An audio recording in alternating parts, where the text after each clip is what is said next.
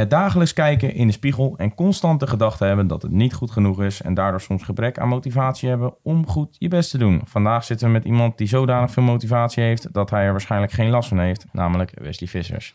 Wesley, welkom. Leuk dat je met ons weer vandaag aan tafel wil zitten. Of bedankt dat we bij jou aan tafel mogen zitten. Ehm, ja, want we hebben het natuurlijk over onzekerheid, over motivatie, body dysmorphia. Weet je wat dat is, überhaupt? Ja, ja, ja. ja? Heb je er zelf last van? Nee, eigenlijk niet. Dacht ik al. Nee, nee. Want uh, heb je er wel eens last van gehad? Uh, ja, vroeger, uh, toen ik net begonnen was met de wedstrijden.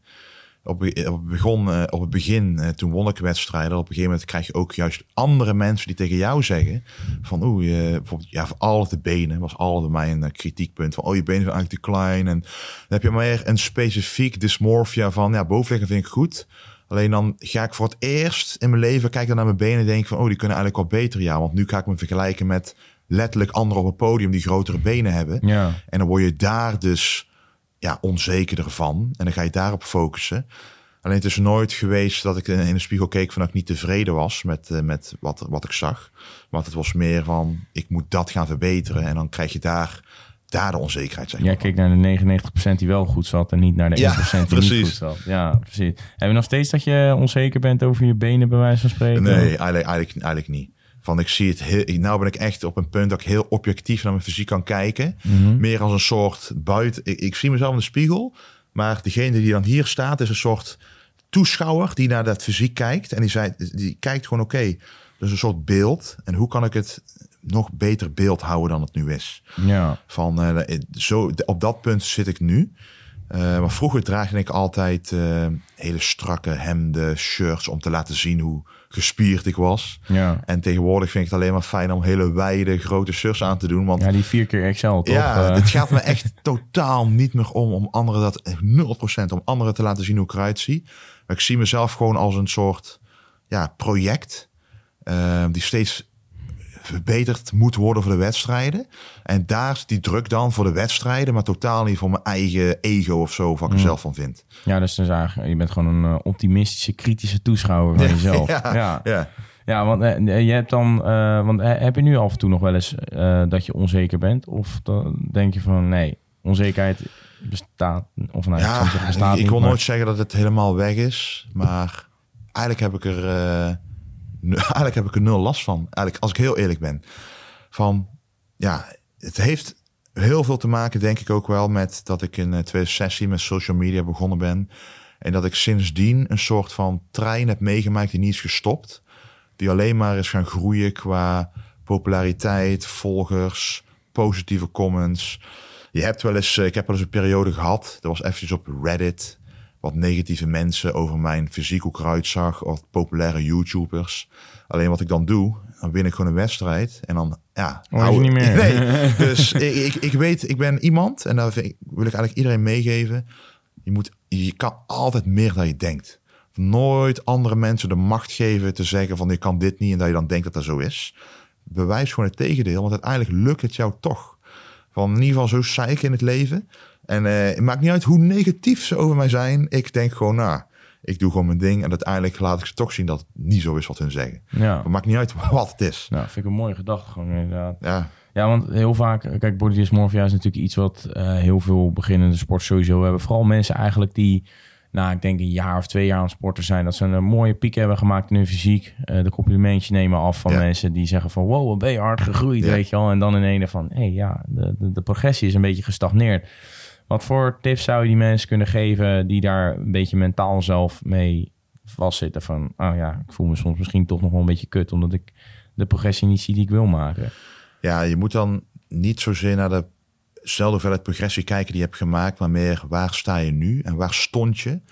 Dus ik zeg altijd, maak sowieso genoeg foto's van ook het beginstadium. Dat je altijd kan kijken van oké, ziet er in ieder geval niet zo meer uit. Nou, kijk nou in de spiegel en kijk naar het enorme verschil van toen. Ja. Van als je niks had gedaan, dan zag je, zag je er nu nog steeds op die manier uit. En dat is altijd, ja, voor de meeste mensen een minder goed eh, fysiek dan nu, zeg maar, die paar jaar later. Ja. Dus natuurlijk, je maakt progressie die minder snel is. Alleen je hebt wel voor elkaar gekregen om op dit punt te komen.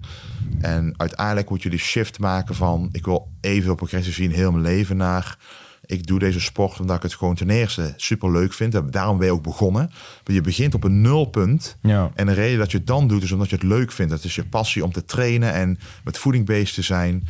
En het is normaal omdat je een dip in motivatie krijgt als je merkt van, oh, ik merk eigenlijk niet zoveel progressie. Maar de, de ratio aan progressie is minder, maar het is niet zo dat het stilstaat. Dus blijf die foto's maken. En dan heb je ook nog die periodes van dat je een bulkfase of een cuttingfase hebt. Daarin kan je ook heel veel progressie überhaupt al zien in het vetpercentage. Want vetpercentage kan veel sneller omhoog en omlaag dan het spierhoeveelheid. Dus daarin kan je altijd nog motivatie halen van... oké, ik haal even iets minder motivatie uit mijn totale progressie qua spieropbouw... maar val dan even weer 5 kilo vetmassa af... en kijk eens hoeveel groter je dan weer eruit ziet. Ja. Van dat soort dingen kan je ook doen. Van je hoeft niet altijd al- al op een bepaald niveau te blijven en daar super langzaam in vooruit te gaan. Maar je hebt ook die periodes dat je eventjes bijvoorbeeld terug kan in vetpercentage en vanaf dat punt weer kan groeien. En daar heb je ook weer heel veel eh, manieren voor om motivatie uit te halen. Ja, precies. Ja, want ehm, he- heb je nu, want jij zei van ja, ik heb wel eens ehm, dat ik- mijn benen, dat ik daar onzeker van ben. Ehm, heb je dat nu nog wel eens? Dat je, dat je denkt van joh, ook bijvoorbeeld laatst zei je ook dat je je hamstrings Mhm. eh, tijdens die wedstrijd niet goed genoeg waren. Eh, Ja. Gaat er dan niet bij jou een puntje van dat je denkt van ah, misschien toch die, toch wel eh, dat je daar Ja. onzeker over bent bij wijze van spreken. Ja, het is, het is eigenlijk die onzekerheid, is, is, is, is het woord niet meer daarvoor, maar het is echt meer van, het is gewoon een, een, eh, een werkpunt wat, Ja. ik, wat ik in mijn agenda heb staan van oké, dat is nou even de prioriteit. ja. Van, ik denk altijd als ik aan mijn hamstrings denk, bijvoorbeeld even dat specifieke punt, denk ik gewoon, oké, ik denk aan de back double bicep van Chris Bumstead. Hij heeft betere hamstrings. Hoe zorg ik ervoor dat ze ook gewoon naar dat niveau komen? Heel op, ver van afstaand. Van welke tools heb ik om daaraan te werken? In plaats van te denken van, nou, ik heb het niet. En, ik geef, en dat was het. Ja. Van je kan altijd naar een bepaald punt werken. En het feit dat je die mogelijkheid hebt. En überhaupt al dat je de mogelijkheid hebt om überhaupt te trainen. Überhaupt de voeding te kunnen volgen. Is al een gegeven, een gift. Eigenlijk een, eh, een iets wat niet vanzelfsprekend is voor heel veel mensen in de wereld. Dus daar kan je al blij mee zijn. Dat het je gegund is. Want sommige mensen die kiezen er zelf voor om bijvoorbeeld af te vallen of naar een wedstrijd te werken. En die moeten dan cardio doen. Maar in plaats van dat je denkt, oh ik moet cardio doen. Nee, ik mag cardio doen Ja. om dit doel te behalen. Want ik heb geluk dat ik überhaupt deze levensstijl heb en kan volgen. Want is voor meer mensen dan niet is het eh, onmogelijk om überhaupt te doen. Ja, Dus klopt. ben blij dat je überhaupt mag doen. En eh, met dat soort mindset kom je al veel verder. Ja, klopt. Eh, nu je dat zegt. Realiseert bij mij ook al, of ik realiseer me dat ook Ja, wel, dat ik daar beter... eh, Ja, vooral eigenlijk het grootste voorbeeld is nog als je aan het bulken bent en je denkt, oh, ik moet dus een maaltijd eten. je wil niet weten hoeveel mensen op de wereld blij zijn met die maaltijd. Van, Zo, daar zeg je wel wat inderdaad. En dat je überhaupt die voeding mag eten. Ja, dat je mogelijk ook, een mogelijkheid ook hebt om dat aan te schaffen. ja, precies. Al dat soort factoren die wij voor lief nemen, zitten daar wel in. En ik weet dat heel veel mensen die dit misschien zien denken van, oeh, dat is saai om aan hoeven na te denken. Of dat is, ja, sommige mensen willen dat het vanzelfsprekend is, want die willen eens nadenken over die andere Ja, mensen die dat niet hebben. bewustwording, denk ik. hoor. Ja, maar als je daarover bewust bent en daar gewoon gaat waarderen, wordt alles veel makkelijker in het leven. Omdat je Ja. dan denkt van, ook al gaat het wat minder. Het gaat eigenlijk niet positievere Ja, op- ja, precies. Ja. Die positieve mindset gaat jou daar echt wel doorheen eh, helpen. What up groeimaat, sorry dat ik je onderbreek tijdens deze geweldige podcast. Vind je onze content nou leuk en wil je ons supporten en wil jij de hoogste korting op jouw supplementen merken? Ga naar www.sportpoeder.nl voor de lekkerste korting op jouw favoriete supplementen. Geniet verder van de aflevering. Ciao! Ja, ja en wat betreft motivatie, heb jij wel eens, eh, ben je altijd topnotch gemotiveerd? Want je zat natuurlijk Ja. in de vorige podcast, had Wesley het er natuurlijk over de, over de wedstrijd, dat die, eh, dat die binnen die zes dagen, dat je volledige motivatie had. Ja. Heb je wel eens periodes gehad dat je minder gemotiveerd bent? Ja, zeker. Die heb je wel eens. Eh, bijvoorbeeld op dit moment eh, zit, zit ik op een zodanig laag vetpercentage dat als je sport, dat je alles gewoon ziet bewegen. Je ziet, je ziet, je ziet de progressie in het sporten zelf, die pomp die je dan krijgt. Alles Ja. komt echt naar buiten. En dat weten dat ik dat alleen nog ga verbeteren deze periode, motiveert natuurlijk meer dan wanneer ik diep in de off-season zit met 20 kilo eh, extra gewicht, waar ook veel vet van... Ja, dat je wat minder ziet in de gym. Maar ik zie zo'n periode dan meer als dit is nodig en vereiste om in de volgende periode er beter uit te zien. Dus je moet altijd voor jezelf bedenken van waarom doe ik dit? En, en daarom, het is altijd de fout om hetzelfde eruit te zien dan... Bijvoorbeeld als je altijd droog wil staan, ga je ook minder progressie boeken uiteindelijk. Dus probeer een beetje die golfbewegingen... Uh, bij iedere golfbeweging omlaag of omhoog qua vetpercentage. Er zit een bepaald doel achter waarom je daar überhaupt naartoe gaat. En daar moet je aan denken voor die motivatie. Dus uh, ja, ik, ik, ik kijk altijd uit naar die off-season, ook al zie ik er minder goed uit. Uh, ja, gewoon qua vetpercentage. Alleen je doet het wel met de wetenschap van als ik dit nu volhoud, ga ik straks die kilo's, of in ieder geval die extra spiermassa die erbij zit, heel duidelijk zien als ik weer de vet kwijtraak. Ja. Dus die motivatie haal ik op die manier daar weer uit. Maar het is wel heel normaal voor mensen om niet in je gedachten wakker te worden. Iedere dag een super gemotiveerde dag te beginnen. Dat is normaal. Maar probeer in ieder geval op de achtergrond te hebben van... Het is wel voor een doel die ik later weer ga zien. Die Ja. later aan het licht komt. Dus het is nooit voor niks in ieder geval. Nee, zeker niet. En eh, je zei net over die, als je die off-season hebt, die 20 kilo. ehm, wat, wat, wat- is dat alleen vocht? Of is dat, natuurlijk is dat Ja, vetpercentage, Het is, maar... eh, het is vooral vocht en vet en spier natuurlijk combinatie. En spier is altijd lastig, omdat spier is vocht. Dus doordat jij eh, veel kilo's aankomt, gaat er extra vocht in de spier zitten. Eh, en rondom de spier en onder de huid. En vet is hetzelfde. Als je vetpercentage hoog wordt, houdt ook meer vocht vast. ja. Dus altijd de combinatie van alle drie. En het is dan de truc om alleen het vetpercentage omlaag te krijgen en de spierhoeveelheid gelijk te houden. En daarmee val jij veel kilo's af, waaronder heel veel vocht, omdat jij minder koolhydraten eet, waar ook weer vocht bij zit. Vet eh, kilo's afvalt, waar ook vocht bij zit. Dus het is een, eh, ja, veel kilo's daarvan is gewoon heel veel vocht. Ja. Ja, precies. Ja.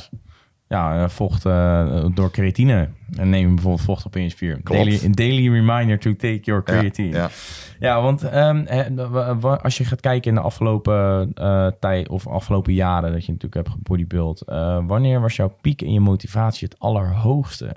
Dat je echt zegt van, pol, dit was echt een moment dat sky's the limit. Ik denk, ja, 2018, toen deed ik dus de eerste Classic Fysiek wedstrijd eh, in Europa. En toen won ik mijn pro-kaart. En toen was ik dus een Classic Fysiek Pro, de eerste van Europa. En toen deed ik een paar maanden later, gingen we voor de eerste keer in mijn leven naar Amerika. Toen won ik daar mijn pro toen won ik die pro-wedstrijd. En toen ben ik gekwalificeerd voor de Mr. Olympia in Las Vegas. En toen was ik 24 in dat jaar. En eh, toen deed ik Olympia als 25-jarige. Dus mijn motivatie was super hoog natuurlijk, want ik was jong. Eh, ik won alles wat ik deed. En Ja. ik mocht naar de Olympia. En ik maakte... Ik, Amerika is altijd een soort kinderdroom van mij geweest om daar naartoe te gaan. Dus in dat jaar gebeurde er zoveel tegelijkertijd. Dat ik nu ook besef, dat was eigenlijk te veel voor zo'n jong iemand om te beseffen wat er nu eigenlijk gebeurt. Maar die motivatie was er toen wel echt, ook echt super hoog. Maar ik moet zeggen, op dit moment is hij ook wel, eh, wel hoog hoor. Ja. Dus die Zin, ja. zin om te gaan vlammen in Ja, december. echt wel, echt wel. Elke keer als Olympia, als ik daarvoor gekwalificeerd ben, dan is die motivatie echt super hoog. Maar vooral de situatie en de omgeving waar ik me bevind. Op het moment dat ik gekwalificeerd ben, is heel belangrijk voor de mate in hoe, hoe ver ik gemotiveerd ben. Ja. Want in 2018, toen was ik gemotiveerd omdat ik voor de eerste keer naar Amerika ging en het ging allemaal zo snel. En, maar ik wist totaal niet wat ik kon verwachten. Nu heb ik wel veel meer verwachting van mijn plaatsingen en wat ik zou kunnen doen. En ik zit op een hele goede fundering. Ik heb een gezin, ik heb een huis. Ik bedoel, ik heb eigenlijk alles wat ik wil. En nu is het eigenlijk het extraatje, is die Olympia. In plaats van dat dat het is van mijn Ja. leven. Nu is dat gewoon de cherry on top. En dat is voor mij zo'n grote motivatie dat ik dat mag doen. Dat eh, is moeilijk te beschrijven. Ik denk ook wel een lichte stress reliever. Denk Ja, niet? zeker je ook. Ja, normaal als, Precies. als Olympia alles is, moet het gehaald worden. Ja, anders ben jij... Ja, stress hou je vocht vast hoor. Dat, dat, dat kan dan ook weer zo zijn. Dus Ja, dan, als je dan minder klopt. stress hebt, dan eh, ben je weer droger. Ja, dat, nee, dat klopt echt. Dat is serieus eh, wat je nou zegt. Er zit een kern van waarheid in. Want ik ging natuurlijk voor de eerste keer naar Olympia toen, eh, naartoe. En ik zag al die eh supergoeie atleten backstage. En ik was een soort van rookie. Ik Ja. Was, ja, dat noemen ze altijd. Als je de eerste Olympia doet, dan moet je eigenlijk niet veel van verwachten. Ja, ervaar het maar gewoon en zie maar waar je plaatst. Maar ja, ik had toch wel die mindset van ik heb nu alles gewonnen wat er, wat er is. En ehm, ik wil niet in één keer als verliezer naar huis gaan. Maar ja, de Olympia, daar heb je niet echt veel keus, tenzij je de beste van de wereld bent. ja. Dus ja, toen had ik, mijn plaatsing was gewoon veel minder dan, dan ik had gewild. Dus die motivatie die super hoog was, werd wel eventjes een beetje ingedaald na die Olympia. Maar dan heb ik ook weer gelijk van oké, ik kijk objectief naar mijn fysiek en daar haal ik dan weer motivatie uit van ik weet gewoon dat ik nog kan verbeteren. En ik weet wat ik voor moet doen. Dus ik haal motivatie uit de wetenschap dat ik kan verbeteren op wat ik eerst had gepresteerd. Dus die heb je ook. Maar die situatie toen was heel anders. Zoals je zegt, ja, ik moest goed doen op die wedstrijden. Wil ik die achterban die ik heb behouden? Dat gevoel had ik. Ja. Van ik dacht van ja, ik heb nu alles, ik win nu alles. Dus iedereen denkt dat ik, dat ik de, de man ben. Dus dat denk ik overigens nooit over mezelf. Maar het is altijd fijn om wel mensen te hebben om je heen die dat denken. Want Ja. dat brengt je toch een bepaalde Stay humble ook. ja, maar dat brengt je wel een bepaalde drive die je volhoudt. Omdat andere mensen jou motiveren. Dat te zeggen van, oh je kan het, je kan het, zeg maar. Ja. En eh, nu heb ik hetzelfde, maar dan met een hele stabiele situatie. Waardoor ik ook al eh, gaat die Olympia helemaal eh, de mist in. Als ik thuis kom, heb ik al, ja, heb, heb, ik, ben ik, heb, heb ik alles waar ik gelukkig om ben. Dus wat dat betreft is het wel een super mooie situatie waar ik me nu in bevind. Dat ik heel dankbaar voor ben. Ja, een mooie mindset. Mooie mindset om mee af te sluiten, denk ik. Goeie maten, weer bedankt voor het eh, luisteren of kijken naar deze podcast. Ben je nou aan het luisteren via Spotify? Laat even 5 sterren review achter. Ben je nou aan het eh, kijken via YouTube? Laat even een blauw duimpje achter en abonneer. Wil je Sportpoeder nou sporten? Ga naar www.sportpoeder.nl. Eh, daarmee kan je als sporter door abonnee te worden. Of lekker genieten van de kortscodes die hier staan.